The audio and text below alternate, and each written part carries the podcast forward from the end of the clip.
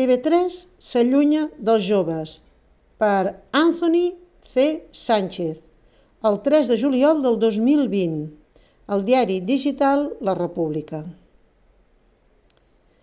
Durant les últimes hores hem anat veient com les xarxes han bullit en crítiques perquè TV3 ha decidit emetre una sèrie juvenil com drames, on la presència del català pateix una regressió molt important enfront de la llengua castellana.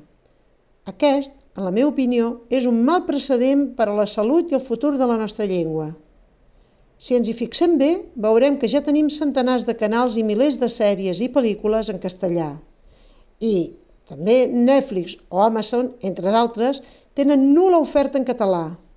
Si aquest és el panorama, aleshores, per què ha d'augmentar la presència de la llengua castellana a TV3 quan clarament el català es troba en clar desavantatge? No es diu massa, però mentre els joves continuem sense tenir accés a un entreteniment juvenil íntegrament en català des de fa anys, no ens queda més remei que passar-nos, en molts casos, al castellà. És trist que una generació tan gran de joves ja no tingui cap mena de referent juvenil en català i que gairebé ningú es preocupi d'aquesta situació tan dramàtica. Però que quedi molt clara una cosa. El problema no és sentir parlar castellà, ni de bon tros.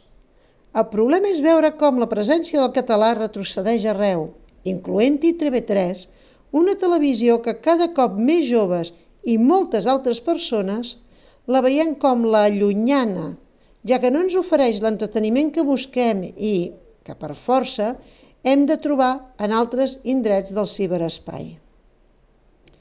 El català cada dia es troba en un perill més majúscul perquè no és possible utilitzar-lo amb total normalitat en nombrosos àmbits de la nostra vida quotidiana i es troba completament absent on té l'oportunitat de tornar a ser un fort referent per a les generacions futures de catalanes i de catalans.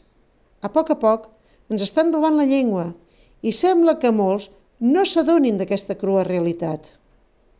I per no poder-se no es pot ni parlar en català ni a les Corts Espanyoles ni a les institucions europees. Però això sí, l'única televisió catalana influent ha d'augmentar la presència d'una llengua que ja trobem al 99,9% dels canals i mitjans disponibles. Simplement incomprensible. Així que ara que no ens vinguin els equidistants de Firet a dir-nos que som uns ultranacionalistes pel simple fet de voler mantenir ben viva la llengua de Ramon Llull, perquè no és així.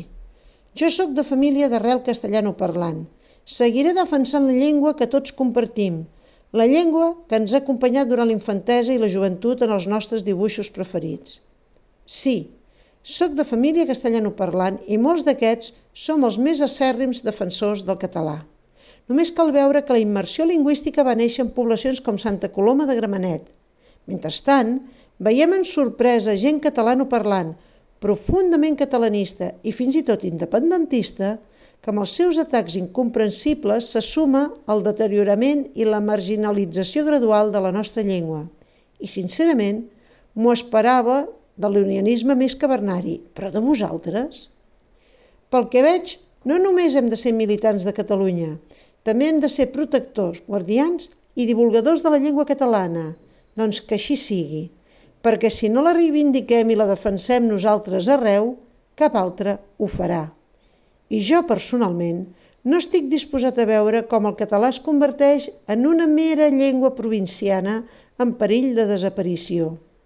Vull, desitjo i lluitaré incansablement per tal que aquesta llengua de cohesió i dignitat col·lectiva es faci finalment amb la posició principal i de referent que li pertoca tenir per dret en la nostra societat.